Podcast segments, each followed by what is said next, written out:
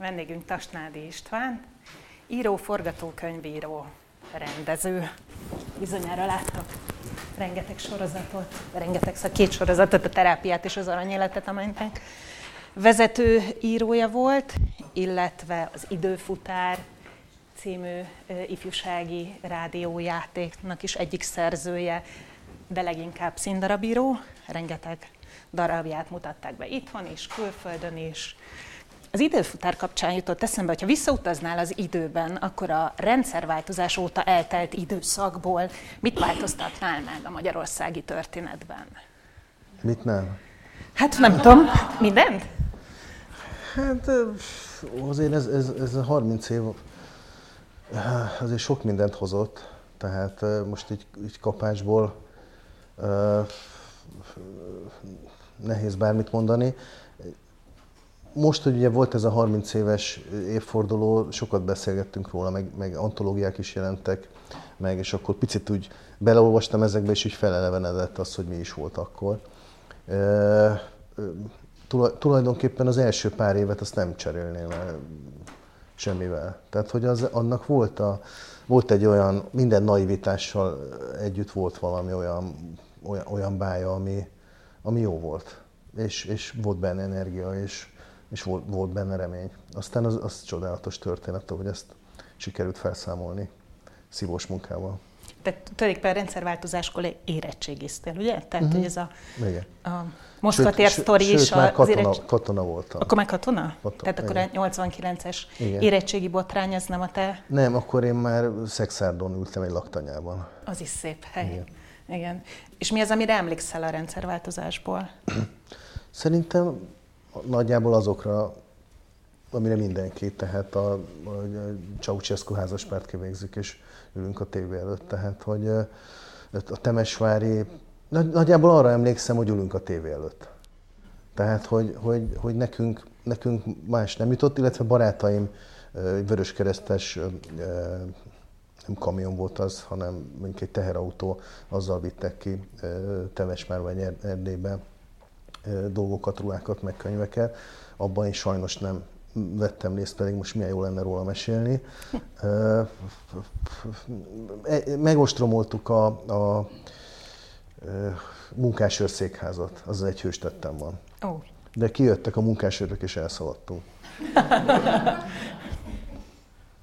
Szóval, hogy, hogy ennyi, ennyi a hőstett. Hála jó Istennek, vagy hát fene tudja, ugye azóta sokan lamentálnak ezen, hogy lehet, hogy egy picit agresszívabban kellett volna, hogy történjen, hogy, hogy, hogy egy nagy, nagy megtisztító, katartikus ügy legyen ez, mint mondjuk volt a Vencer téren, vagy mondjuk volt, volt Erdélyben. Nem tudom.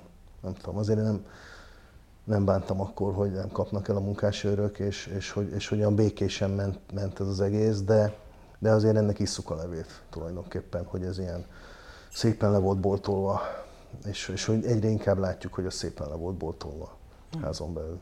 És a 2006-os tévészékház ostromnál gondoltál arra, hogy itt most valami nagy változás történni fog? Tehát, hogy valami nagy változás fog történni?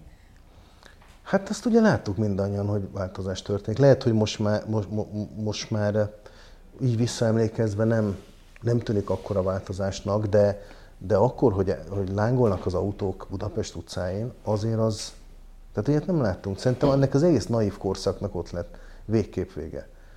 Történtek csúnya dolgok, Aranykéz utcai robbantás, ezek az alvilág, de akkor azt mondhattuk, hogy ez, a, ez az ő ügyük. Itt bejöttek valami sötét elemek, és találkoztak a helyi sötét elemekkel.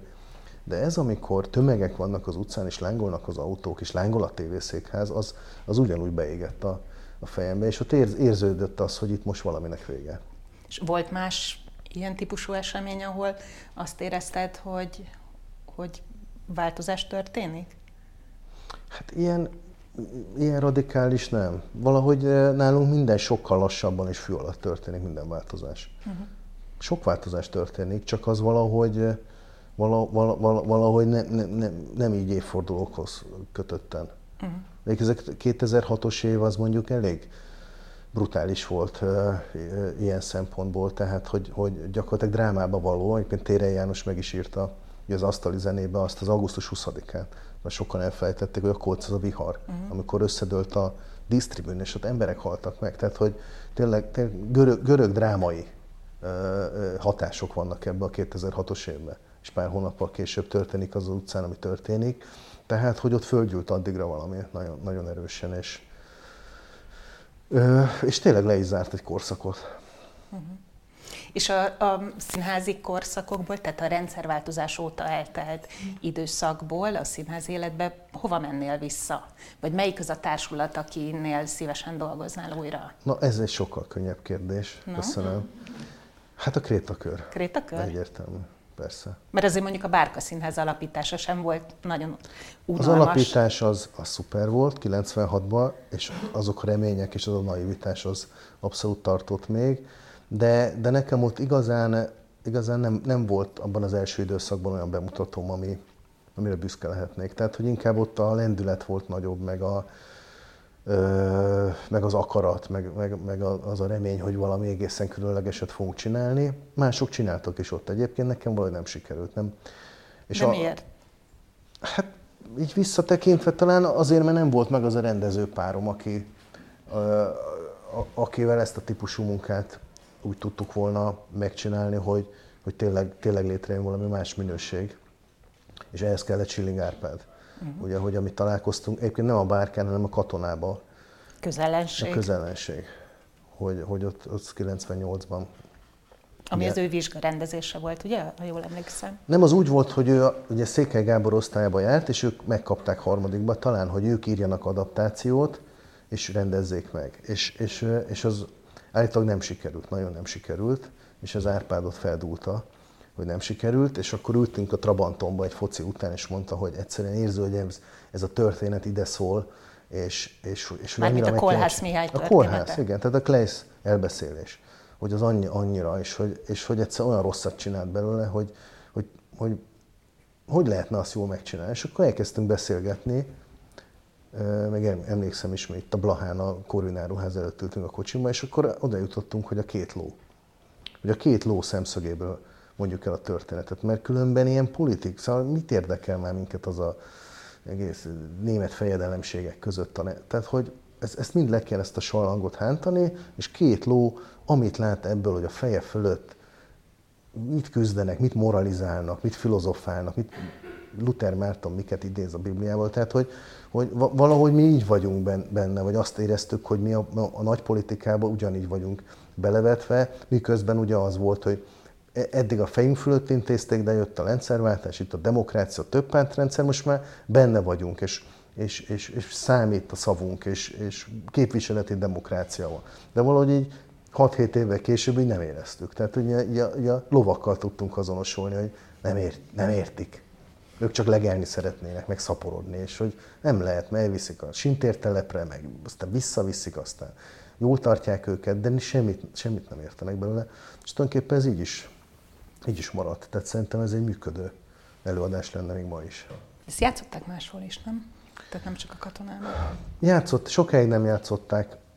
A Budapesten azóta se. Aha. Tehát azért ennek egy akkora híre volt, és, hogy, hogy, és tényleg nagyon jó előadás volt, tehát hogy elképesztően találkozott a társulat és az Árpád egy olyan formát talált ki hozzá, ami nagyon újszerű volt, nagyon erős volt és, és sokáig mennek, nagyon sokat jártak vele külföldre, tehát egy ideig az volt, mint mondjuk a három nővére, hogy, hogy ne, nem csinálunk meg, mert annyira erős, amit a katonában volt, és azóta is inkább külföldön játszák. Uh-huh.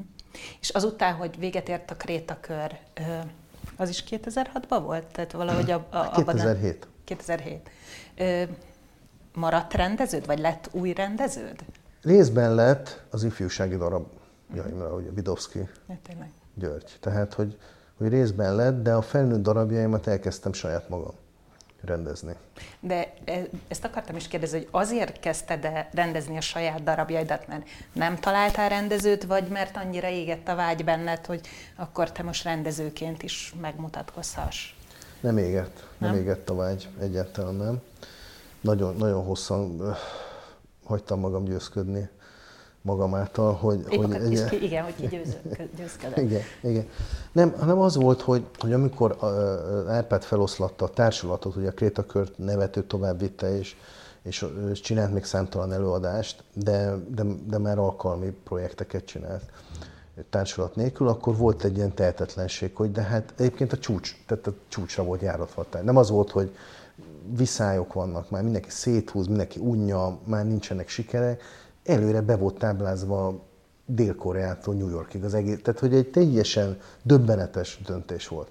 Tehát tényleg egy döbbenetes döntés volt, ami benne született, és nem a társulatban. Tehát erre? Nem, nem, nem. Nem, tulajdonképpen úgy zárta le, ahogy csinálta az egészet. Nagyon, azt gondolom, hogy nagyon hiteles volt. Uh-huh. Fájt.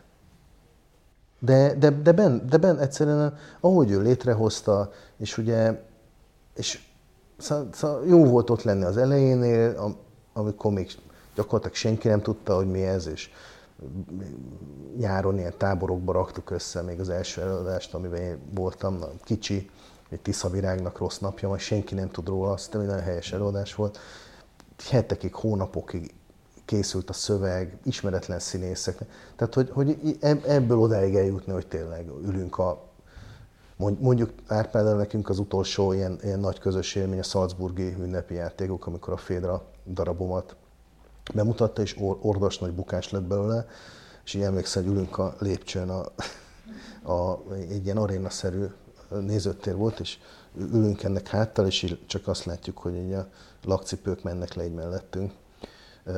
De az, az is egy nagyon intenzív közös élmény. Szóval, hogy, hogy, hogy, hogy soha nem a tutira ment, soha nem a tutira mentünk, soha nem a bejáratott úton, és hogy ebben voltak óriási sikerek, és voltak irgalmatlan nagy bukások. És valahogy a vége is. Tehát az, azért mondom, hogy ehhez, ehhez illet, és azt mondta, és tényleg ott sokkal beemlékszem, amikor én nem voltam ott, csak meséltek a színészek, hogy Pekingben játszották a három nővért kínai közönségnek, és, és akkor, és akkor ott ültek, és, és ilyen kis fordítógéppel mindenki, és, és, és hogy annyira abszurd volt az egész, hogy az Árpád fölpattant, hogy most már nem emlékszem, hogy mennyire vetközött le, azt nem akarok hazudni, de hogy ledobálta és új, formák kellenek, új formák kellenek, és így átment így a, így, így a színpadon. És akkor picit hogy lefagytak a színészek, hogy bejött a rendező, hogy új formák kellenek, de a pekingi közönség jól vette, fogalma nem volt ki ez, mészszaladás. Furcsa európai előadás, oké. Okay. És, és, hogy, és hogy, tehát, hogy, hogy ez is jó volt, és szerintem az Árpádnak ebből lett elege, hogy ez is jó. Aha. Most már hívnak, már az se, tehát már még ki sincs az előadás, és a fesztivál naptár ott van, hogy ami egyszer van így az ember életében, szívesen visszamennék, visszasíra, stb. De ez, ez a fajta konokság és ez a fajta úttörő, vagy innovatív színáscsinálás, ezt nem viseli el. Uh-huh. És ő nagyon konzekvens volt ebben, hogy most már sztárok vagyunk, jól keresünk, beutazzuk a világot, itt a vége. Többenetes volt, de nagyon hiteles. Na és hogy jött az, hogy te rendezzél? Hát Nem mondom, találtál másik rendezőt, aki rendezett volna? Azért ez, ez de, de volt akkor már a társulat körül néhány rendező. Zsótér Sándor rendezett, egy Bánkbánt, meg egy Pergüntöt, Mundrucó Kornél a Nibelungot. Igazából a Nibelung az egy nagyon érvényes, nagyon erős előadás lett, és akkor a Kornél a, a társulat megtalálta a hangot, és akkor a jeget is megcsinálták. De, azt, de hát neki volt a film, Mundrucó meg Mundrucó Kornél. Tehát, hogy, hogy igazából az új, új főnök, vagy az új szellemi vezető, vagy az új nem tudom, nem, nem lett meg. Hát, én se lettem szellemi vezető, de, de ott maradtak ezek a színészek, és tulajdonképpen ott maradt egy olyan kör, egy, egy, egy elárvult kör, akik azért hozzászoktak egy, egy munkához, egy metódushoz, egy kommunikációhoz, és egész egyszerűen nem nagyon fogadtak be mást kintről egyébként. Szóval, hogy, hogy, hogy nehéz most már ezt így elképzelni. Tehát lehet, hogy ez egy elitizmus, de én ezt nem hívnám annak, hanem egész egyszerűen, aki ebben nem volt benne, nem csinálta ezt végig, Bódvarákon, tényleg az Isten háta mögött minden nyáron ott volt, hogy ott készültünk az előadásokra, tényleg egy ilyen, tehát az elhagyott ö, ö, bányaépületekben imprók, meg, meg több is volt, mint imprók, tehát ilyen, ilyen előadások sokszor fizikai veszélyben voltak a színészek, keresték a határaikat. Tehát, hogy ezek... ezek... Ez mit jelent? Már, mint hogy értem a szót, de hogy mi történt, hogy fizikai veszélyben voltak? Hát, mondjuk a Fekete Országnál a, a, a nem tudom, hogy azt ki látta azt az előadást. Ki Akár felvételről.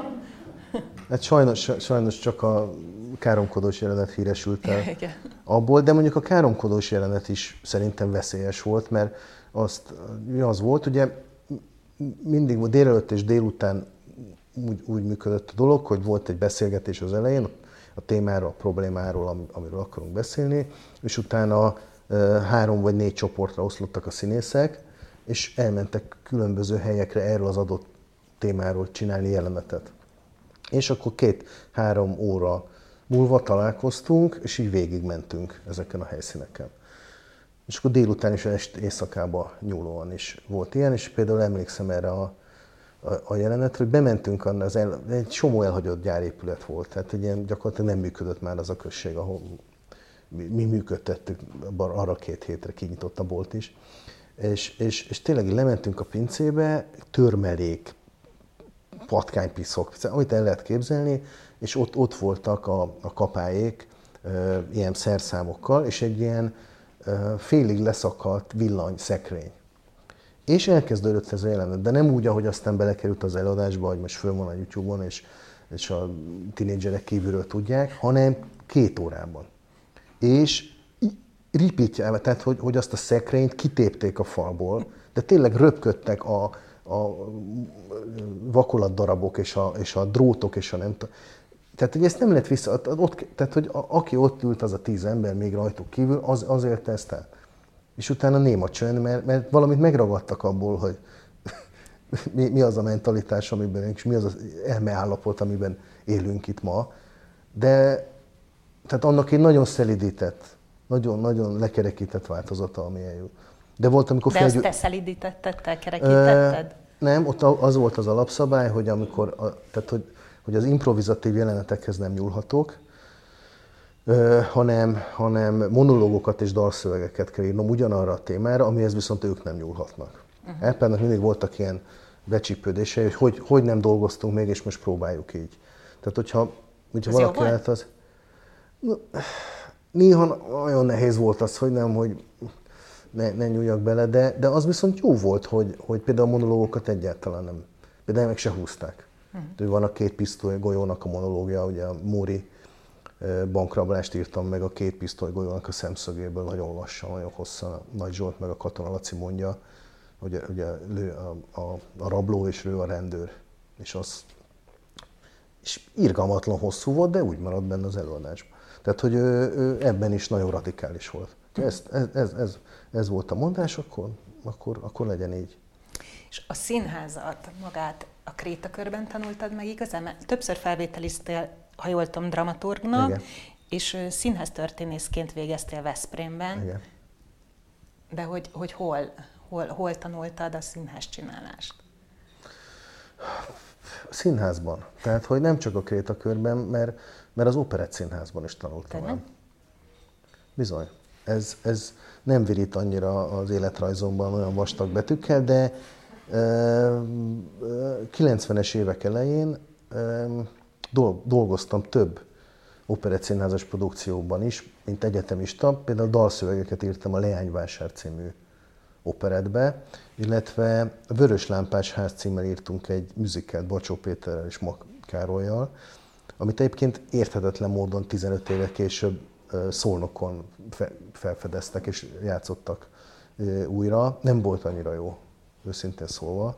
Ott is a dalszövegeket írtam, és ott, ott belekóstoltam ebbe, ebbe az operett színházi létezésbe is, és hihetetlen tanulságos volt. Tehát miközben ugye csináltuk az alternatív színházat egyébként. Tehát, hogy, hogy ennek a két végét látni, vagy a két szélét látni, és felfedezni benne az azonosságokat, mert irgalmatlan mennyiségű azonosság van benne.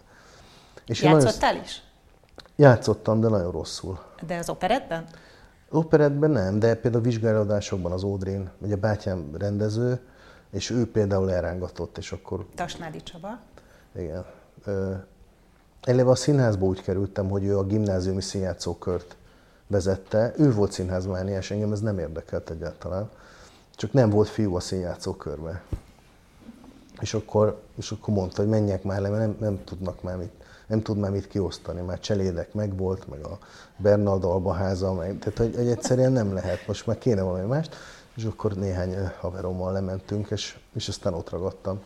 Tehát a, a, a Csabi mindig belerakott, nem járt velem jól, té, tényleg nem vagyok jó, jó színész, de, de ott megtanulni azt, hogy, hogy, hogy mi a mondható mondat, mi a jó mondat, milyen egy mondatnak a ritmusa, az jó volt, hogy nem csak a másik oldalról ismerem. Uh-huh. És akkor már írtál verseket? A, abszolút. Uh-huh. Tehát, hogy én kiskorom óta írok verseket. Tehát én mindig is úgy képzeltem el magam, hogy költő, költő leszek, költőgéniusz. Uh-huh és hol tört derékba eme pályafutásod? Vörös Marti téren. Igen? Megjelent az első verses kötetem, Walter Egon válogatott búcsúlevelei, és én hallatlan büszke voltam magam, mert 22 éves voltam, és, és akkor voltak ezek a dedikálások. És Rába Györgyel kerültem egy asztalhoz, Kossuth Díjas nagy költő, és, és akkor ott ültünk egy órát. Beszélgettünk, senki nem jött oda hozzánk, ami tök érthető egy első kötetes szerzőnek. Nem az rázott meg, az rázott meg, hogy hozzá nem jöttek. A 18. kötete, Kossuth Díjas. És azt mondta, hogy nem baj, én annyira emlékszem, hogy József Attila is csak hármat adott el a nagyon fájból, gyere, dedikáljuk egymásnak a köteteket. És dedikáltuk, mind, mind a mai napig megvan ez a Rába György kötet, és ott eldöntötte, hogy nem. És ezt tartottam magam. És hogy nem is írtál verset, vagy csak könyv nem lett belőle? Ö, írtam én még verset, alkalmi verset írtam, például Tiszatájba jelent meg a, a Adi évfordulóra, tehát én Adi Ada parafrázist, és hát a darabjaim. Uh-huh. Most az említett közellenség, ugye a dalszövegek is versek, csak alkalmazott, mondjuk azt, hogy alkalmazott versírás, de hát a, a Fekete Országban is. Csomó, meg a csomó finitó dal. is tulajdonképpen. Hát a, a finitó végig versben van az Molieri vers, vagy a Fédra, Fédra Fitness is. Tehát, hogy, hogy önmagában azt, hogy vers és megjelenik a mozgóvilág, nem, nem mindegy, szóval, szóval borzasztó büszke voltam, és, és vártam, hogy mikor jelenik már, és az első vásárlója én voltam, de az utolsó is, az a baj.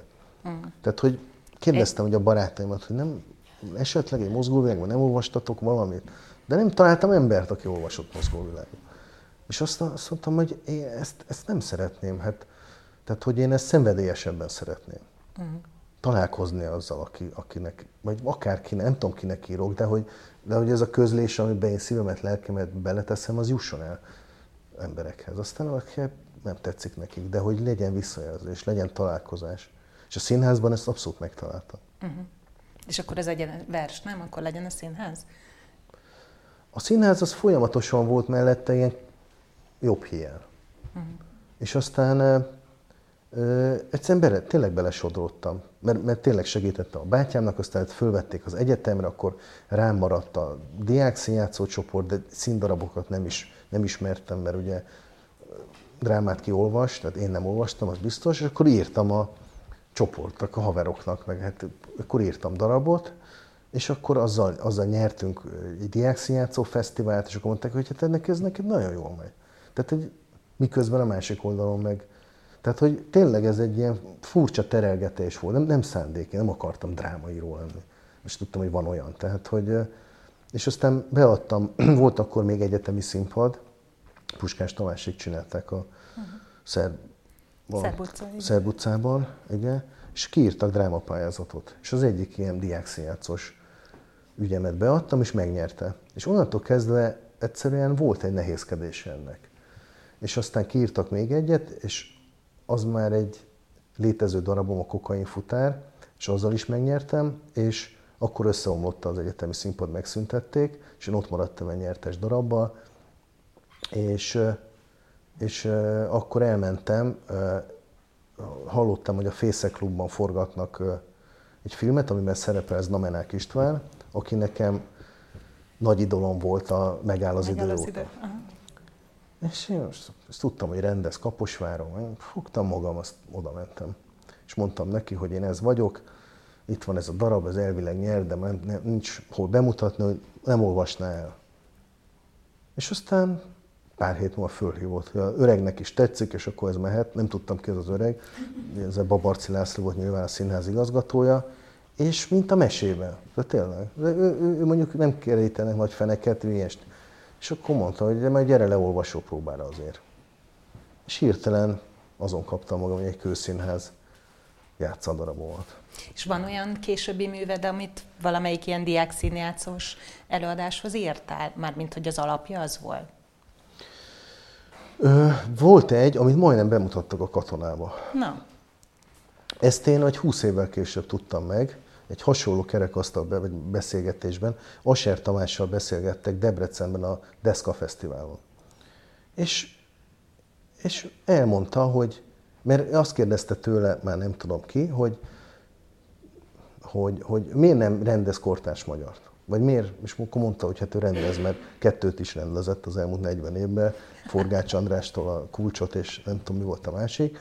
De hát, hogy miért nem? És akkor mondta, hogy hát például már a 90-es évek elején a, az időn túli szabaddobást is majdnem bemutattuk, a Tasnernek a darabját, de hát, hogy a Fodor Gézának nem tetszett. És én majdnem leestem a székről. Én emlékszem arra, hogy tehát az, hogy én a katona, vagy a, tehát, hogy, hogy, hogy tehát teljesen más lett volna az életem, olyan érdekes, és tök jó, hogy nem, meg nagyon hálás vagyok a Fodor Gézának, hogy, hogy lepöckölte, mi ez a marhaság, mert valószínűleg tényleg marhaság volt, csak izgalmas marhaság de tök más fele ment volna az életet. Tehát nem csinálom meg így lentről ezt a kemény melót, a diák játszó, független színház, operett színház, nem tudom micsoda, hanem van egy ilyen közvetlen valami, ami lehet, hogy szánalmas kudarc lett volna, és az életre elmegy a kedvem az egésztől. Tehát, hogy, de azért úgy visszapörgetni, az nagyon érdekes élmény volt. Mert ezt az asja nekem nem mondta. Azóta számtalanszor beszéltünk, soha nem mondta, hogy figyelj, már ott volt, bevittem, hogy azt, azt, azt csinálom. Egyébként az egyik legbátrabb darabom az, idő, az, az időn túli szabaddobás. Azt a Berzsenyiben, a gimiben, ahol, ahol jártam, ott csináltuk meg, amikor már szabad kezem volt, és írtam a, a, a barátoknak darabot. Egy másodpercről szólt a darab, egy kézilabda mérkőzés utolsó másodpercéről, világbajnoki döntő, és, és döntetlenre áll és, és egy Aizkulusi formában írtam meg, tehát hogy két színész van, és egy sorfal a kar.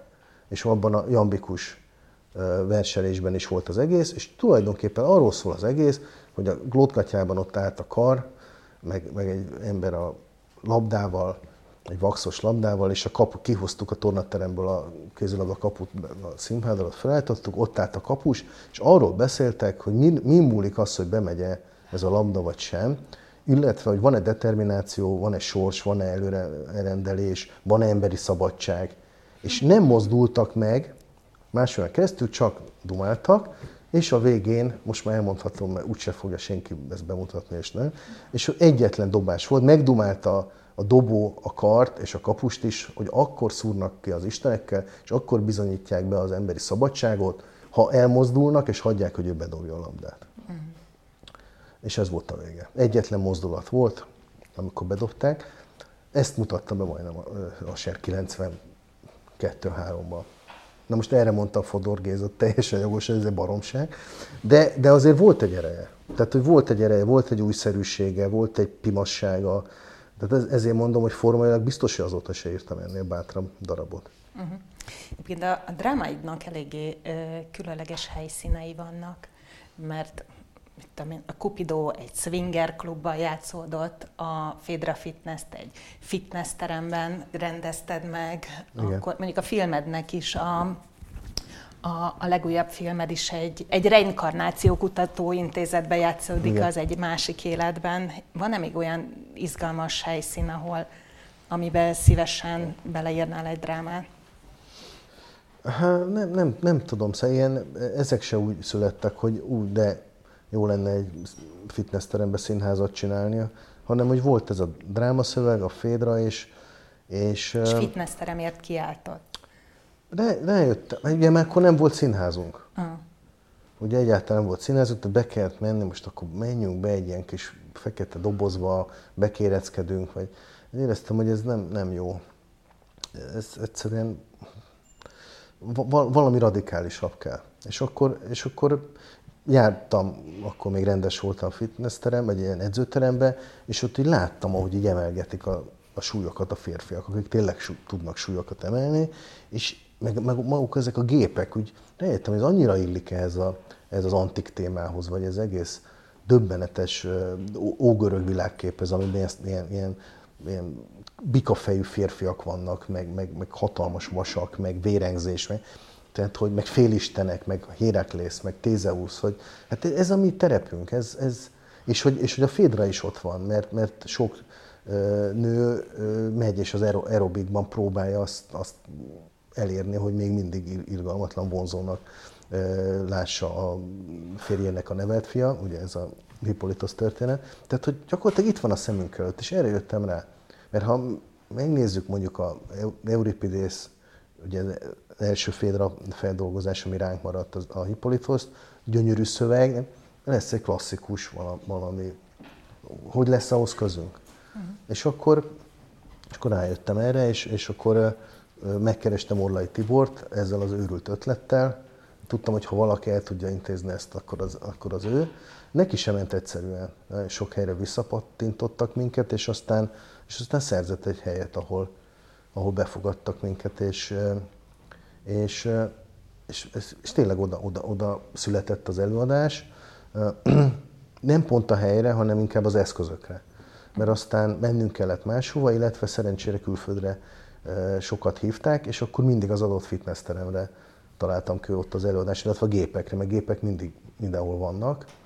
Tehát, hogy, hogy egy olyan, olyan rugalmas előadás szövet volt ott, amit, amit mindig az adott helyre ki lehetett feszíteni. És a Swinger Club? Az hogy jött? Voltál? Voltál valaha a Swinger Klubban? Nem. Tudják, mi ez a Swinger Klub?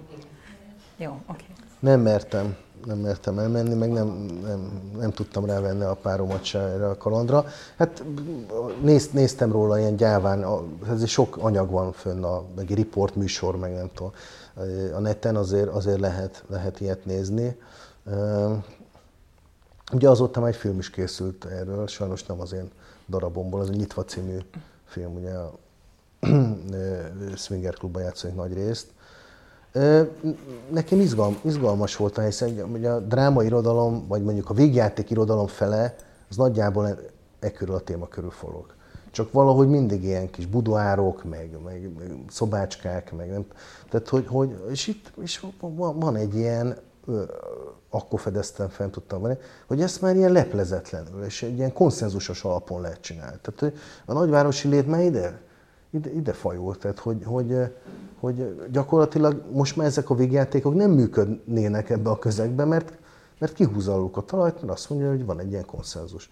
És ez érdekelt, hogy olyan, olyan terepre menni, ahol ezek a bevált uh, sémák, meg a bevált konfliktusok, amik egy párkapcsolati krízisben vannak, ugye a főhősöm középkorú házaspár, fel akarják dobni a házasságukat, tehát hogy, hogy, hogy, hogy itt megnézni ilyen nehezített terepen. Ez érdekel. De, és az eredeti kérdéshez visszatér, vagy van olyan helyszín, ami így izgat, amit szívesen használnál, és mondjuk más még nem nagyon használ? Ö, olyan jó lenne megtalálni azt a helyszínt, amit más nem, amit más nem nagyon használt. A filmek miatt mondom ezt. Uh-huh. Nincsen. Mostanában voltam egy helyi specifikus előadáson a fönn, fönn Budán a templom, ja Istenem, Magyar a Szentföld templom. Szentföld templom. Ezt nem tudom, ki látta. Fú, de jó helyszín. Na ott, ott kéne forgatni. Tehát egy teljesen őrült tér, tehát teljesen szabálytalan, és ugye van, még van egy történet, hogy miért alakították így ki, soha nem használták, tehát egy irgalmatlan, izgalmas története is van, de, de ezen túl maga a tér. Tehát annyira, annyira fura itt a város, mert majd, hogy nem nem közepén, de azért a városban van ez, hogy, hogy, hogy ott például szívesen forgatni. Uh-huh. Többször elmondtad mostanában, hogy az aktuál politika nem érdekel, hogy ez a Feketeország, meg hazám, hazám, krétakörös vonalban ö, tulajdonképpen kimerült, és egy ilyen publicisztikai műfajnak tartod.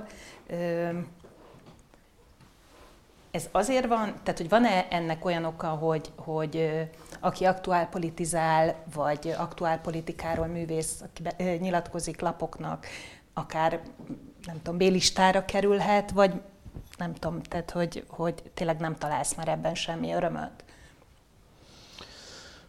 Hú, nehéz. Nyilván azt mondom, hogy nem, nem, én nagyon bátor vagyok, ez nem fordul meg a fejemben, akkor ez egy hárítás. Én azt szeretném gondolni, hogy nem ez, nem ez motivál, hogy, hogy vissza, visszahúzom fülem farkam. Inkább egyébként egyébként egy ilyen pici csömör is van bennem az ügyben, és egy pici csalódottság, hogy ebben a bizonyos hős korszakban, amit említettem, ugye mondjuk a 2000-es évek elején, amikor politikai színázat még úgy itt nem nagyon csinált senki, akkor olyan előadásokat készítettünk, aminek, aminek volt egy ilyen missziója, vagy egy titkos reménye, hogy közvetlen hatást fejt ki a közéletre, hogy beszélgetéseket, dialóg, tehát hogy egyszerűen elkezd egy, egy kommunikációt legalább kiprovokál. Ugye ezek rész, részben botrányos előadások voltak, mondjuk a Hazám Hazám, aminek a Zsámbéki bemutatóját ilyen karikás ostoros támadást tarkította, meg olajos hallal, meg paradicsommal megdobálták a színészeket, ami szuper volt. Tehát, hogy, hogy színészek is jól vették. Na, végre valami fontos dolgot csinálunk.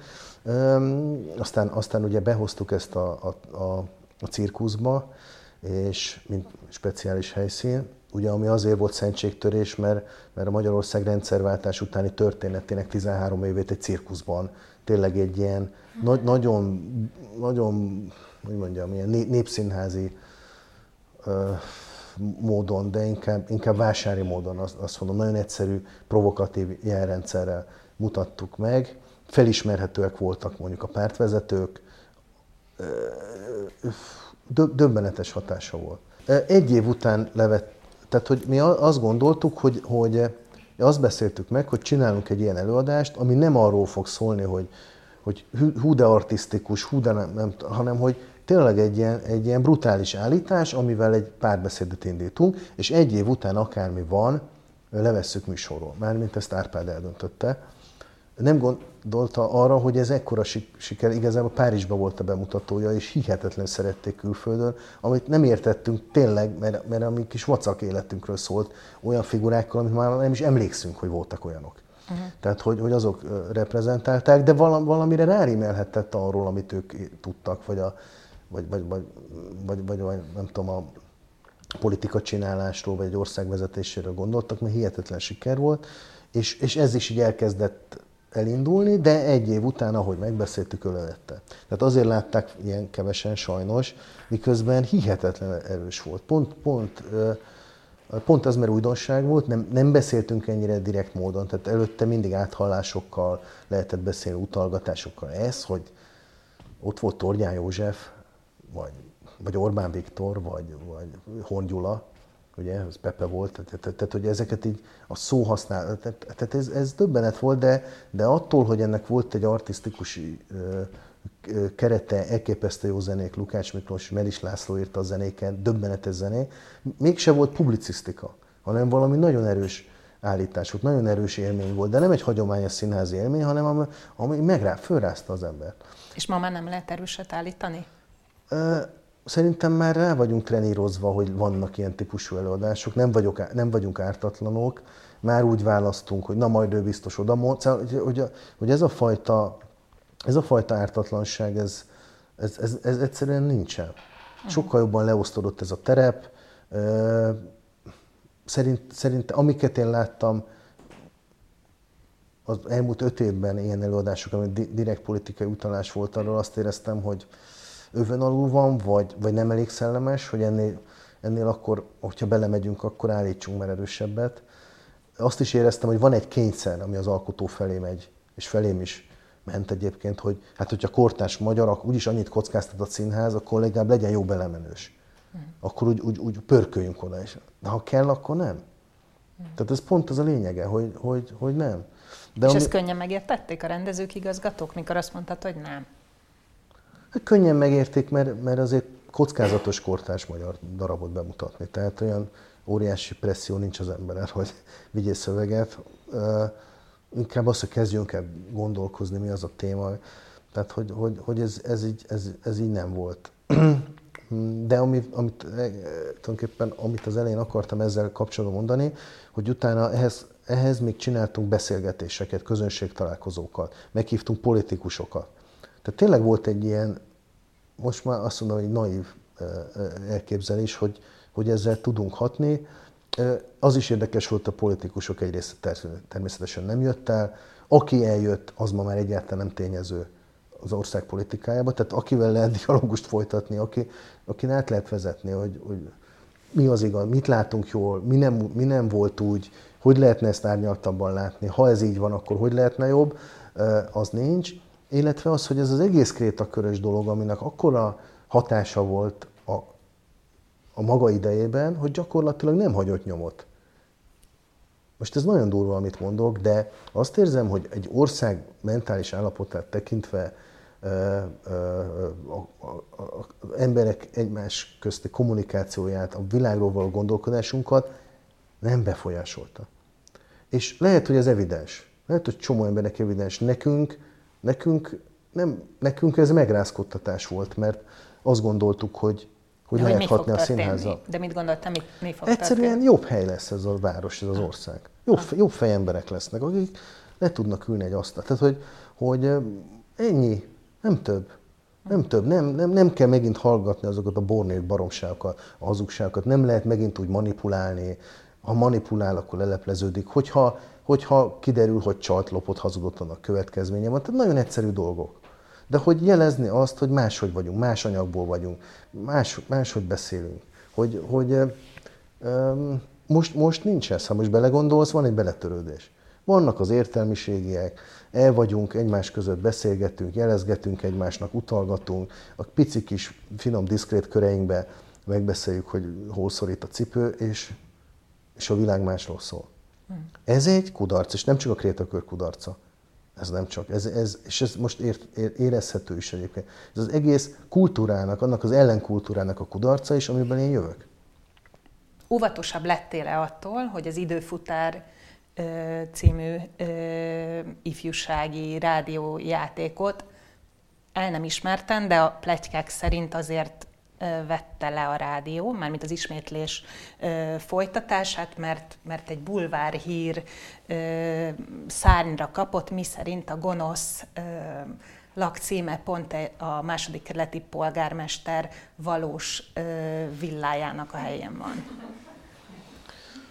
Hát nem, tehát ez a, ez a hagymász kategória, tehát ettől nem lehet óvatosabb az ember. Ez, ez pont biztos arra jutott eszedbe, amit mondtam, hogy milyen, milyen világban élünk, mert ez pontosan, pontosan mutatja, hogy a pontosság kedvéért, ugye ez egy, ez egy talán 2015-ös 6-os történet, amikor leállították az ismétlést, és mi ezt 2012-ben írtuk, és valóban a főgonosznak, a felemás szeműnek a, a házát, egy Apostol utca 13, azt hiszem, jól mondom a címet, reírtuk, ahol egy foghételek volt. Tehát egy, egy gazos tehát de direkt elmentem, meg, megnéztem. Közel kellett legyen a Gülbaba ez ott volt a hőseinknek akciója, egy ifjúsági hangjáték sorozat, ennyire volt veszélyes. És, és ott volt egy foghítelek, jó, akkor ide álmodtuk azt a házat, magas falak, lőrészszerű ablakok, stb. És, és de mondjuk tényleg döbbenetes és picit misztikus is a dolog, hogy amikor az egész kirobbant és fölhívott minket a polgármester titkárnője először, aztán maga a polgármester kicsit feszülten, hogy, hogy és ugye egyáltalán, hogy mi ez, meg, meg, megkaptuk a Blick címlapot, és tényleg le volt fotózva a háza, amit megszólásig olyan volt, ami leírtuk. Le, úgy, úgy, úgy építette meg, de nem fogalma nem volt mi ez. Úgy szóltak neki, hogy figyelj, hát ezt írja a Blick. Mert, mert, mert ahogy aztán később rájöttem, hogy igazából nem ezen akadt el a Blik, mert ez egy pinv dolog, hanem ők eleve ebbe a, ebbe a házépítésbe beleakadtak, hogy az anyukája nevére vette pár millió forintért, és hogy, tehát hogy itt volt egy botrány, és gondolom a keresőbe, hogy beírták a címet, kidobta az időfutárnak egy szövegét. Gondolom így történt. És akkor ez egy, ez egy hír lett. És, és, és, és igazából a szép abban, hogy miután ez így kiderült, tehát nem az történt, hogy ja, és mindenki megnyugszik, és megy tovább az élet, hanem vezetőségi gyűlés összehívva, a vészgyűlés a rádióban, nem, ezt később tudtuk meg, ugye nekünk nem szóltak, illetve, hogy azonnal leállítsák az ismétlést, vagy várják meg, ami vége van az évadnak, az a bölcs döntés született, hogy ezt még azért várjuk meg, mert nagyobb botrány lenne, ha, ha nem várnánk meg, és akkor még úgy le, leketyegett a maradék pár részt, majd úgy elfejtettük egy életre. Mert, mert, mert igaz, hogy akkor még nem volt az a ház, de sose lehet tudni. Tehát, hogy ez a sose lehet tudni. Ez az, ez az őrület az egészben. És máig nem tudom, tehát hogy teljesen irracionális minden eleme a történetnek, de hiába irracionális minden eleme, a következménye nagyon is, nagyon is reális. Tehát, hogy, és ez szerintem egy nagyon szimptomatikus történet a mi kis közös mútunkból. De ö, azt olvastam, hogy mikor először bemutatták, akkor a, a hallgatók egy része fennakadt azon, hogy 18. századi szabadkőművesek ö, szerepelnek a történetbe, illetve később meg abból volt gond, hogy a darabbeli sótlan tanfelügyelőt Hoffman Jácinnak hívták. Ebbe se volt semmi tudatosság. Na de, na, tehát az, hogy szabadkönyvesek, az, az, Nem, a Hoffman játszintra gondoltam. A Hoffman játszint, az egy játék, de hát most komolyan, tehát hogy ezen, ezen megsértődünk. De megint azt mondom, hogy... Én nem sértődtem meg rajta. De nem, hát ez egy diákcsény, egy ifjúsági hangjáték sorozat. Tehát megint mondom. Tehát nem, nem, tehát hogy, de tényleg voltak ilyen visszajelzések, hogy ezt ne.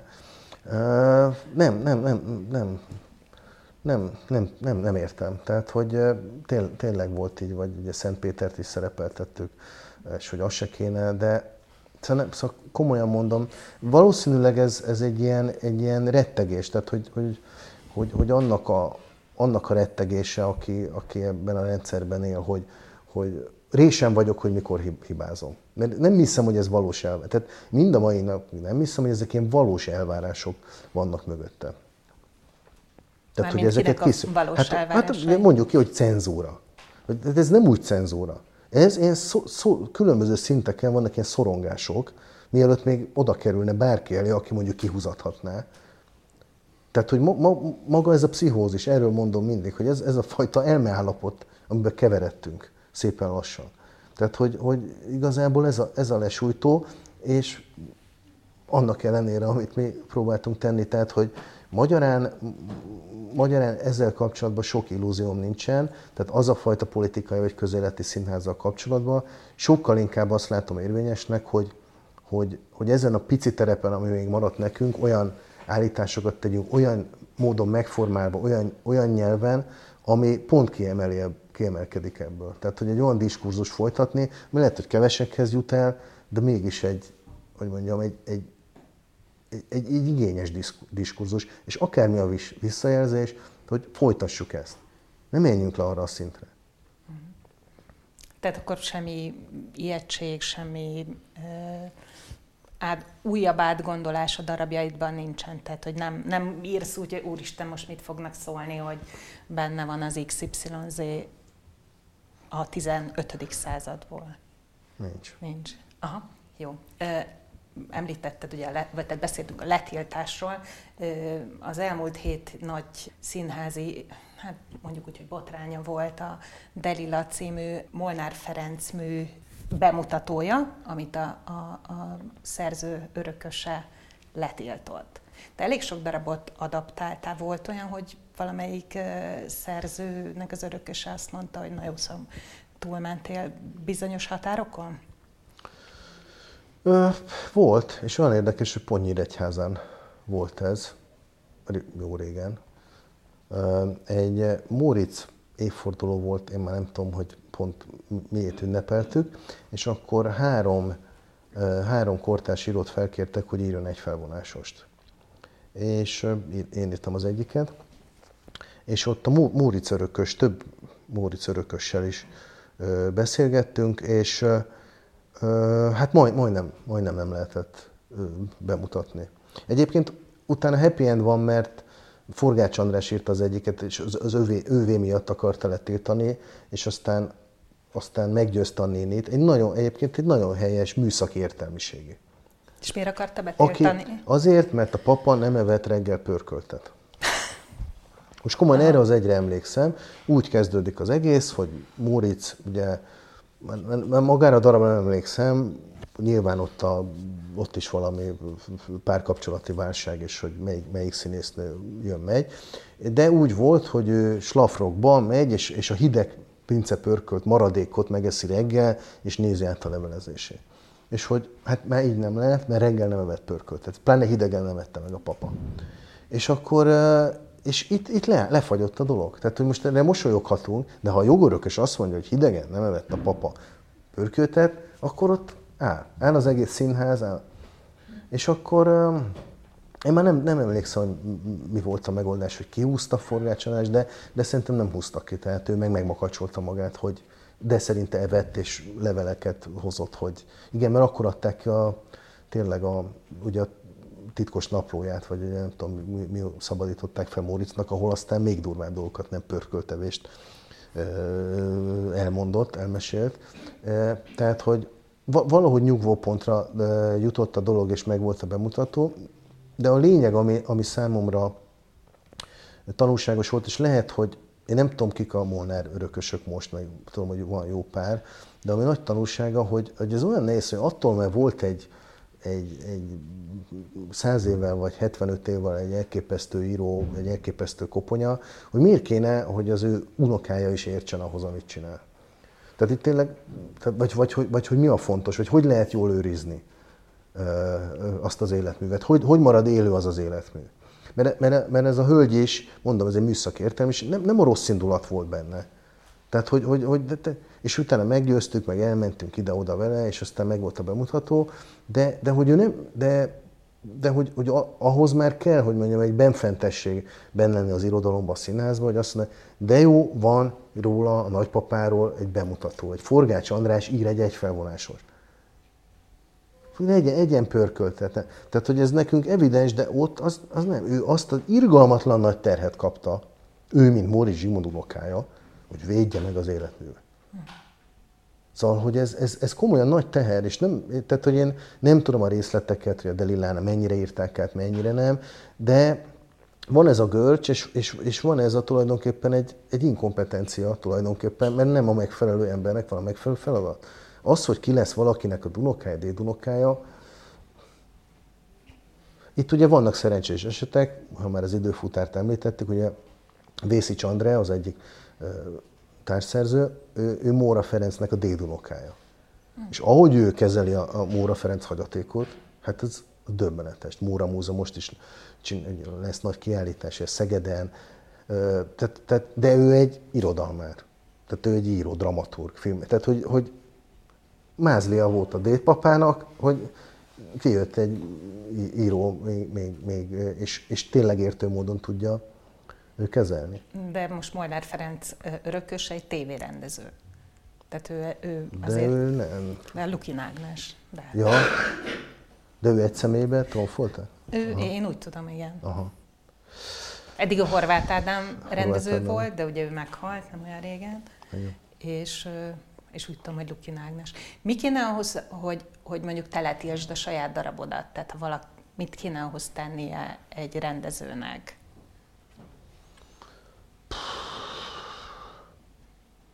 Hát ez, ez, meg se fordult a fejembe eddig ez a lehetőség, hogy letél csak bárkit is. Ugye most eszembe jutott pont a legut, egyik legutóbbi élményem saját darabbal kapcsolatban, hogy Urbán András megrendezte Szabadkán a nézőművészeti főiskolát. Ugye, aki ismeri Urbán András munkáit, el tudja képzelni, hogy egy ilyen egyébként komédiaszerű dologból ő mit csinál. Na most én is ugye beültem, és mondjuk az első negyed órában egy hangot nem hallottam a saját szövegemből. Nagy, nagyon érdeklődve figyeltem, mikor kezdődik a darab. De eszem, tehát hogy most mondod, hogy, mert, tehát, hogy, hogy, hogy nem, tehát nagyon erős állításokat tett annak kapcsán, és aztán, aztán ment is a darab, lement a darab.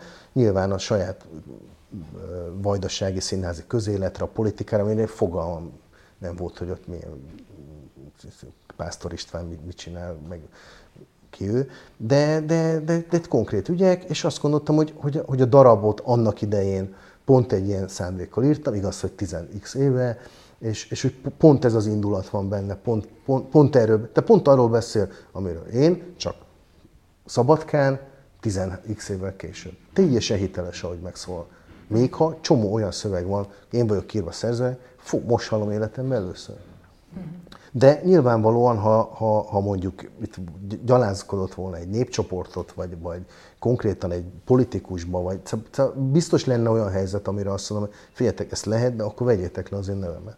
De ilyen még nem, nem fordult elő, lehet, hogy szerencsém volt. Tehát, hogy, hogy a, aki mondjuk szabadabb kézzel nyújt hozzá egy szövegemhez, az, az me, megtalálta azt, hogy mi, mi a közlés, mi a szándék, vagy mi volt az eredeti, és azt fordított át a maga nyelvére, vagy mhm. idejére. És tudod kívülről a darabjaidat? Tehát mondjuk, ha nézed, akkor tudod, itt húztak, itt húztak, itt húztak, itt írták át. Persze.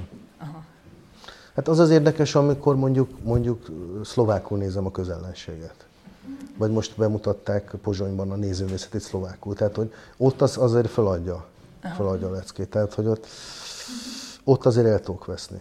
Uh-huh. E, ugye, ami egy nagy színházi bemutató volt, amihez te kötődsz, a Rosda Temető 2.0.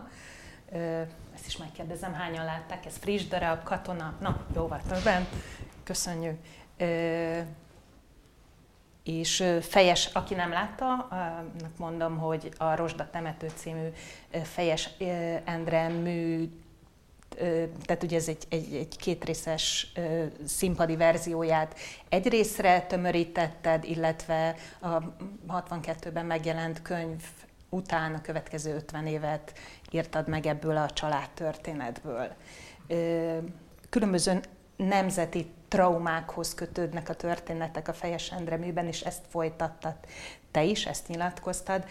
És igazából az érdekel, hogy van-e olyan történelmi trauma, amit a te családod nehezen tudod feldolgozni?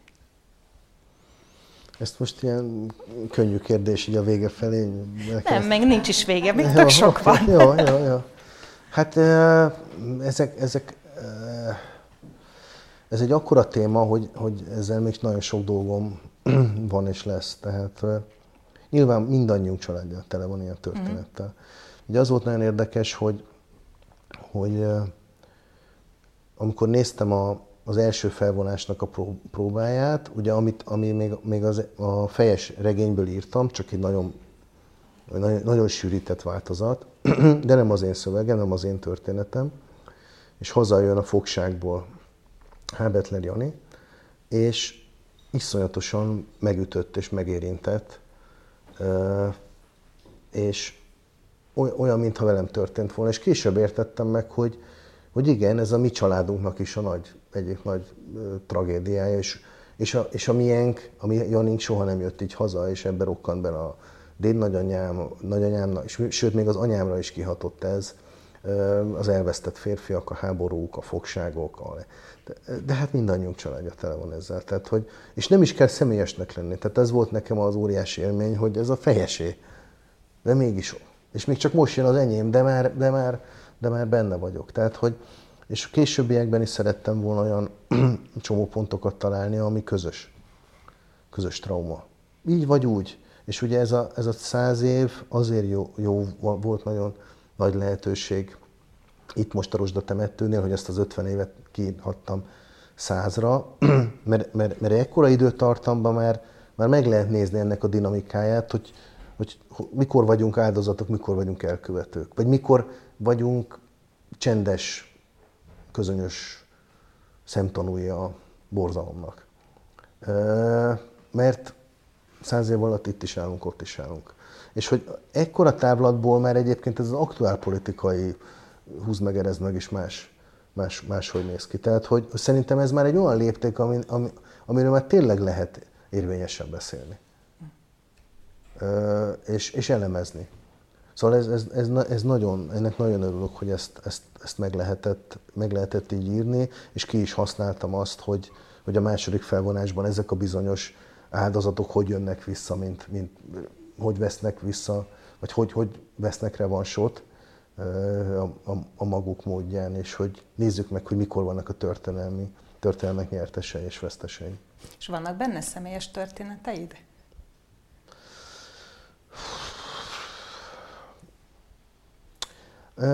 Nem igaz, nem. Nem, nem tudom, nem, tehát, hogy inkább a fejesben vannak az én személyes történeteim. Igen. Nem, mert, mert, mert ugye Fejes Endre állítólag tényleg egy létező nyolcszerkeleti családról, a Hábetlerékről írt, és ezek a figurák is, akik bejönnek, lé, létező, létező, akkor létező, mint a Csele Júli, az egy, az egy, az egy híres írhet figurája volt akkor ennek a környéknek. És ugye az én feladatom meg az volt, vagy én azt láttam ki magamnak feladatnak, hogy, hogy ahogy, ahogy lezárja ezt a történetet, vannak elvaratlan szálak, ilyen kis kinyúló kis fonalkák, és én azt megfogom, és azt gombolítom tovább. De tulajdonképpen azért, az, azért a Hábetlerből jön, meg Csellerből. Tehát, hogy én inkább ahhoz szerettem volna kapcsolni, és nem beleerőltetni a saját Cselejulimat, meg Hábetlereket. És, ami még nagyon fontos volt, ahogy, ahogy jövünk, közeledünk a mához, elkerülni annak a veszélyét, hogy, hogy vagy ezt veszélyes dolognak tartottam volna, hogy magántörténetekkel traktárban a nézőt, hanem megkeresni azt, ami közös, közös pont, vagy amit, amit átélhettünk közösen, és aminek a, az érzelmi ereje valószínűleg mindenkiben ekkora volt. Amit egyébként a kritikai része szememre is vett, hogy, hogy, hogy sematikus. Igen, mivel, mivel nem az egyénit emeli ki, hanem, hanem a közöset.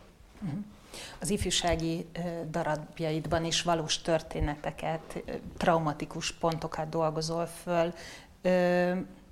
Szerinted ezek a darabok jobban beviszik a színházba a fiatalokat? Vagyis inkább úgy kérdezem, hogy beviszik és ott is tartják őket? Hát bevinni a tanár viszi be őket, az biztos, de bemaradnak. Tehát, hogy, hogy az mindenképpen jó, hogy bemaradnak. És, és aki, aki egyszer már látott ilyet és hatott rá, szívesen visszajön. Nagyon óvatosan fogalmazok, mert, mert ki tudja. Ki tudja, akinek mondjuk a Cyber Cyrano elemi élménye volt mondjuk 14 évesen, ma még színházba jár, nem, nem követem el. Uh-huh. Azt tudom, vagy, vagy az East Balkán, azt tudom, hogy akik ott vannak, azok a kezdeti jófejkedésből, meg a zsizsegésből, meg a poénkodásból egyszer csak így, öh, így odafigyelnek. És ez az óriási dolog. És ettől boldog vagyok, hogy öt év múlva jár a színházban, nem tudom, de az, hogy előredől lecsicsegi a haverját, ha még mindig mond egy poént, az óriási dolog. És annyira jó ezt látni. És, és náluk ez még, ez, ez még megy. Ők még, nem jól neveltek, még nincsenek is elrontva, és ezért azért az utóbbi időben nagyon szeretek ifjúsági darabokat írni, mert, mert, mert, mert ezt a kalandot mindig be lehet járni velük. Uh-huh. A Bárkában elég sok uh, ifjúsági darabodat mutatták be, ugye ez megszűnt egy pár évvel ezelőtt. Uh, érzed, de mennyire nyitottak a színházak ezekre a típusú darabokra? Szerintem... Azon kívül, hogy mondjuk pályázati pénzt lehet rá nyerni. Igen, meg most már azért mind, elég sok színháznak van ifjúsági tagozata, stúdiója, tantermi színházi részlege. Szerintem ebből a szempontból ez egy jó, jó történés. Most nem tudom, hogy a, tényleg lehet célzottan pályázatot nyerni, meg pénzt még behozni a színházba, azért van-e, vagy ki akarja nevelni a színház a saját közönségének a, a, a, a, a folytatását, vagy az utódait. Biztos ez is az is benne van, de, de, de szerintem az utóbbi tíz évben ez ügyben azért van van pozitív fordulat. Uh-huh. Tehát, hogy ez a, ez a, ez a német rendszerű, mert ez abszolút onnan jött be, ez svéd meg német rendszerű ö, problémára fókuszált, életkori, kifejezetten életkori problémákra fókuszált probléma központú színház, ez, ez most kapott teret, és most ez sok helyen van, és ugye ami nagyon jó még, hogy nem csak Pesten, hanem vidéken is. Uh-huh. Mikor elkezdtél írni ilyen ifjúsági darabokat, köze volt ennek ahhoz, hogy nem tudom, nagyjából akkor születtek a gyerekeid? Szerintem a daraboknak nem. A, a mesekönyveknek. Az, a mesekönyveknek, mesekönyveknek. Hát ugye ez másik generáció volt, tehát ők már tizenéveseknek írtam, tehát hogy... De hogy jobban foglalkoztattak a fiatalok, vagy a... Nem. Biztos volt ilyen, de, de az is, az is közrejátszott, hogy e- ekkor futott ki a, a krétakör, ekkor nem volt már társulat, ekkor lett elegem abból, hogy minden, mindig politikai színházat kell csinálni, és Szóval, hogy, hogy ez, ez, és ez, ez, ez jó, jó pillanatnak tűnt arra, hogy váltsak valahova, amit még nem ismerek, és azt éreztem, hogy valahogy, valahogy még igazabb a kommunikáció ezzel a közönséggel. Őket nem, nem érdekli még ez, uh-huh. és ez annyira jó. a saját maguk érdeklők, saját probléma. Nem, úgyis hazudnak ott föl, úgyis nem érdekes, hanem hogy velem mi van, meg a csajommal, vagy a pasimmal, vagy az apámmal, miért ilyen rossz fej az apám, vagy hogy hol van az apám. Tehát, hogy, hogy nem tudom, ezek igazabb dolgok, és ráadásul ott még azt érzem, hogy, hogy lehet segíteni, vagy úgy, vagy, vagy úgy lehet, lehet támogatni, vagy lehet megerősíteni. Tehát, hogy, hogy valahogy, ami nekem nagyon fontos, hogy ne csak azért csináljuk dolgot, hogy szerepeljünk, meg pénzt keressünk vele, hanem hogy legyen ennek valami zsiger értelme, vett értelme, hogy az még ott megvan. Uh-huh. Ami még két ilyen nagy váltás volt az életedben, a, a, a terápia, illetve az Aranyélet című HBO-s sorozatok írása, vagy vezetőírása. Nem is tudom, van ilyen szó? Tehát, hogy a vezető írója voltál. Írtál előtte sorozatokat, vagy foglalkoztatott ez téged valaha? Nem, nem, sőt, nagyon. Hát párszor fölkértek, de nem, tehát azt éreztem, hogy ez nem, nem nekem való dolog, és kezdetben a terápiával is voltak fenntartásaim, amíg nem tudtam meg, hogy mi ez. És, és azt... akkor már nagyon való, tehát most már hát azt érzed, hogy való. Igen, igen, mert ez valójában megint csak azt mondom, hogy teljesen atipikus sorozat. Tehát nem, nem, nem a mainstream, nem a jó bejáratott út, két ember ül, mint mi, így, és 25 percen keresztül beszélget. 40 epizódon keresztül öt ember. Tehát, hogy ez, ez megint, megint azt mondom, hogy nonsens, tehát ilyen nincs, ez csak bukás lehet. Tehát, hogy ezt annyira meg kell történni tartalommal, igaz állításokkal, igaz fordulatokkal, igaz emberi érzelmekkel, fájdalmakkal, hogy ez, ez igazi kihívás. Ez nem egy sorozat. Ilyen értelme, sorozatban vetítik, de hogy, hogy ez közelebb van a színházhoz, tehát közelebb van ahhoz, amit én szeretek csinálni, és akkor ezért így belevágtam. Uh-huh. És az aranyéle, ami azért mondjuk annyira nem a színházi formához kötődik? Az nem, hát ugye akkor már úgy, úgy ott voltam, már akkor két évadot megcsináltam a terápiából, egyébként utána nem is lettem vezetőírója a terápiánk, mert, mert az aranyéletet kellett csinálni, és akkor annak voltam. Hát annak, nem, annak még nem lehetett ellenállni tulajdonképpen. Megint csak azt mondom, hogy hol van hiány és hol van lehetőség. Tehát, hogy tulajdonképpen itt is, itt is ott vagyunk, hogy a 2010-es évek elege, e, e, eleje, tehát az a, az a dolog, az a közeg, amiben én, amiből én jöttem, az gyakorlatilag megszűnt. Most ez erős de nagyon visszaszorult, tehát mondjuk ez a, ez a fajta független színházi uh, szcéna egy, egy erő, erősen uh, a peremre szorult, és akkor van egy ilyen, egy ilyen lehetőség, amikor azt mondják, hogy figyelj, itt van, legjobb színészekkel lehet dolgozni, azt, nagyon jól nézhet ki, kaptok rá elég pénzt is, és szóljon arról a magyar valóságról, amiből vagytok. Legyen közéleti, legyen provokatív, le... hát zene füleimnek. Hát ezt csináltuk, csak piciben. Vagy a sirályban 80 ember előtt, vagy... és akkor azt mondja egy ilyen múlti, hogy legyen más, mint ami a kereskedelmi csatornákon megy, vagy a máshol. És semmiben nem szóltak bele? hát az, hogy túl sok a helyszín, az igen, meg hogy húzzuk le száz alá a szereplőket, igen, de fú, hát ugye fölöttünk, vagy volt egy kreatív produkció, Kriller Gábor, de fölöttünk már angolok voltak, nekik ez teljes exotikum. Tehát, hogy fogalmuk nem volt, hogy mi ki mire. Tehát, hogy nem tudtak beleszólni. Mindig néha azt kérdezték, hogy ez elég érdekes lesz? Elég, elég, elég élesek vagytok? Elég provokatív? Elég, elég edgy ez a dolog? Mondtuk, mert fogalmunk nincs, de hát... Persze. Hát nézzük meg. És akkor az első évad után elhitték. Aha. És akkor már aztán végképp még ilyeneket csak kérdezgettek. Na és akkor hol vannak az új terápiák, meg aranyélete? Hát hol? Igen. Hát ugye most történt egy vezetőváltás, nem nálunk, hanem fönn a mennyekben, itt a, a multinak a tetején, és, és átszervezték itt, ugye ez egy hatalmas amerikai cégbirodalom, és az európai pénzeket most amennyire tudom, inkább Svédországban a Nordicnak, az HBO Nordicnak, meg a az új spanyol, most, most is ott megbetették a lábukat, oda ment, és most egy picit itt hét szűk esztendő van, reméljük nem lesz hét, egy már volt, mert idén ugye hosszú évek után nem forgatott sem, semmit az HBO, tehát már egy, egy ilyen szempontból szűk esztendő, mert jövőre nem lesz bemutató, de még megmaradt ez a, ez, ez a, ez a eredeti tartalmat gyártó csapat, néhány emberrel, és, és várja azt, hogy kapjon zöld lámpát, és lehessen folytatni a fejlesztéseket. De már ez, van terv? Tehát elkezdtetek valamit? Hát az van, hogy itt ez a rendszer úgy működik, és nem csak az HBO-nál, hanem minden ilyen nagy média vállalatnál, hogy csomó terv van fejlesztésben is. Tehát, hogy versenyeztet vannak.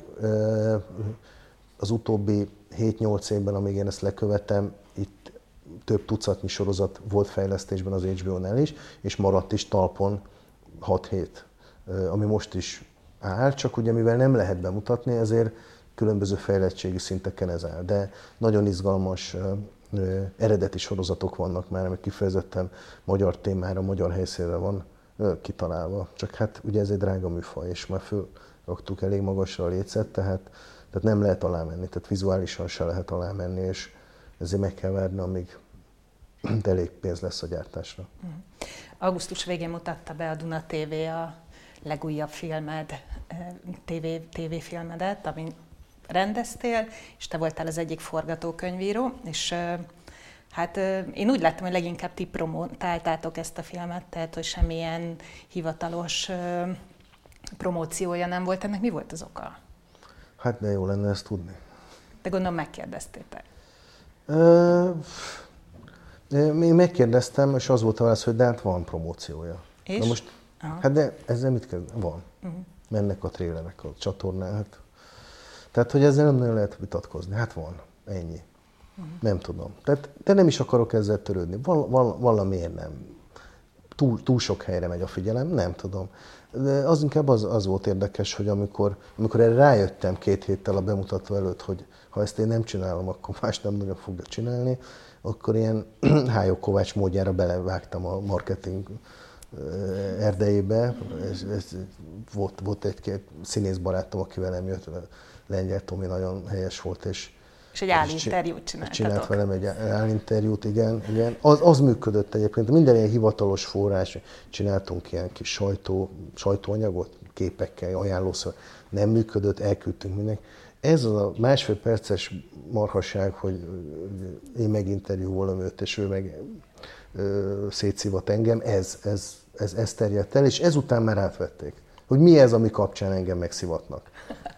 Tehát, hogy hihetetlen érdekes volt ez nézni a működést, mert igen, fogalma kicsit így ugye, ettől a világtól. Így lehetett 12 órán belül újra blik, blikbe bekerülni Aha. ezzel egyébként. Tehát, hogy semmi hivatal főszerkesztő, kultrovat vezető, szerbusz, tudod, de semmi. Persze, persze, majd küldjétek át se. Ez kinyitottam reggel, és már mindenhol ott voltunk, és ami a lényeg, ott volt az időpont, mikor, hol lehet megnézni, kész, más nem érdekel. Az, hogy leégettem magam, és bőven belefér, végre valami, ami működött. És gondoltál arra, hogy esetleg azért nem promotálják olyan nagyon, mert Molnár Áron a főszereplője, aki Noir néven közszereplőként is működik? Nézd, nehéz nem gondolni erre. De, de ugye mivel semmilyen megerősítést nem kapsz, ezért könnyű magadra maradni a paranoiáddal. Uh-huh. Tehát nem, nem. Tehát igen, igen. Meg le, lehet az is, hogy a reinkarnáció probléma, mert, mert, mert Európa keresztény. És ez, tehát lehet kombinálni, hát kaptunk elég forrást ahhoz, hogy, hogy kombináljunk, de ezzel magadra maradsz, mert nem tudod. Uh-huh. És azt mondod, hogy miért nincs, de hát van promóciója. Tehát érted? Tehát, hogy ezért, ezért mondok ilyet nehezen, össze tudunk rakni ilyeneket, semmi bizonyítékom nincs rá, és még az is lehet, hogy megint az van, hogy nyár vége van, mindenki nyaral, túl sok a figyelem, túl sok a csatorna, ennyi jutott el. De már te túl kombináltad. Szóval, hogy, hogy láttam példát erre is, arra is. Uh-huh. Mikor promotáltátok ezt a filmet, akkor Perlai Péter kiírta a Facebookjára, hogy Veres Attilának, a forgatókönyvíró társadnak egyszer elmesélte az ötletét, hogy hogyan fog meggazdagodni, azaz emberekkel elhitteti, hogy átörökölhetik a vagyonukat a következő életükben, majd ő a kamatokból megél, illetve felbukkan szülészeteken egy aktatáskányi pénzzel, hogy még több vagyonos ember harapjon rá a témára. És ezt Veres jó filmötletnek nevezte, és hogy ez, ez az alapsztori, és hálából a reinkarnációs vállalat vezetőjét Perlainak hívják. Gyakran kapsz ilyen ajándéksztorikat? Hát nem gyakran. Nem, nem gyakran, de ez a per, Perla, én nem ismerem őt. Az Attila elmondta nekem, hogy egy haverjával beszélték el nagyon az ötlet. Van, annyira érdekes, hogy ez a nevenek ennek a srácnak tényleg, és hogy aki megnézte a filmet, ugye az első vetítéseken, akkor mindig azt mondta, hogy aha, tehát replay, azért Perlai. És belegondoltam, hogy tényleg, tényleg az anagrammája. És annyira szép ez, nem? Hogy megint, nem, nem. Neki volt ez a becsípődése. Elmondta az Attilának, ő nekem, ebből lett a film. De tényleg replay, tehát hogy tényleg tökéletesen illik az ő neve erre az egész történetre. Úgyhogy ö, nem, nem gyakran kapok ilyen sztorikat, és nem is, nem is nagyon szoktam egyébként így, így, így idegen, idegen sztoriból írni. Egyébként az volt, hogy Attilával együtt dolgoztunk egy HBO sorozaton ketten, ami azóta se valósult meg sajnos, és egy ilyen karácsonyi bulin eszegettünk, és így, és így fárasztottuk egymást, hogy milyen filmötleteink vannak. És nekem volt már egy reinkarnációs ilyen detektor filmötletem, de ez sokkal jobb volt, és akkor fölcsillant a szemem, és mondtam, hogy Attila, te ezt megírtad? Nem, nem, ez még, nem, még annyi minden mást kell. És mondtam, hogy de akkor mi lenne, megírnánk együtt? Mondta, hogy tök jó, persze írjuk meg. Tehát, hogy ez egy ajándék, ajándék sztori volt, de ha őszinte akarok lenni, kész, kész voltam rá, hogy, e, hogy, hogy ebből történetet írjunk. Nagyon foglalkoztatott engem is, mint, mint, mint metafora ez az egész. Még azt meséld el, hogy mit írsz most. Írsz-e? Hú, uh, hát ez jó kérdés, hogy írok-e.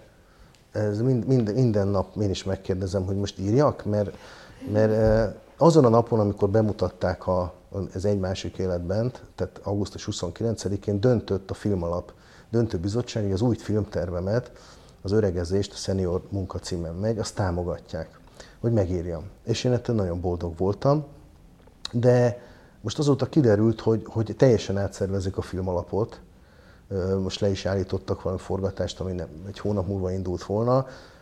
Plegykákat hallok csak, valószínűleg van alapjuk, esetre én még nem kaptam szerződést, hogy írjam meg ezt a forgatókönyvet, tehát nem tudom, hogy írok-e vagy sem. Én nagyon szeretném ezt megírni, nagyon szeretném végre, hiszen ez két tévéfilm után ez egy, ez egy nagy játékfilm, tehát mozifilm lenne. És te rendezed? Igen. Uh-huh. Tehát, hogy ez lenne az, és uh, már, már forgattunk belőle 12 percet uh, nyáron, csináltunk belőle egy pilotot E, ezzel a szereplőgárdával, illetve akikkel én dolgozni szoktam, ugye a memóban is, meg ebben az új filmben is Molnár Áronnal, Lengyel Tamással és Mucsi Zoltánnal, aki, aki ugye a másik életben játszik egy nagyot, és jó fejek voltak, tök ingyen eljöttek, próbáltunk Lengyel Tomi lakásán. De azt éreztem, hogy, hogy, hogy ezt a filmtervet ezt úgy, úgy akarom bemutatni, vagy úgy akarom odaadni, hogy, hogy nem csak egy ilyen nem tudom, kis tervek és, és szócséplés, ami, ami szokott, hanem hogy letegyek már valamit, hogy hogy képzelem ezt el, és ez így működött, és, és, ez, és ez nagyon jó, és végre ezt megírhatnám, de, de nem tudom, hogy fogom ezt írni, vagy sem. Tehát jelen pillanatban nem tudom. Köszönöm szépen. Én is köszönöm.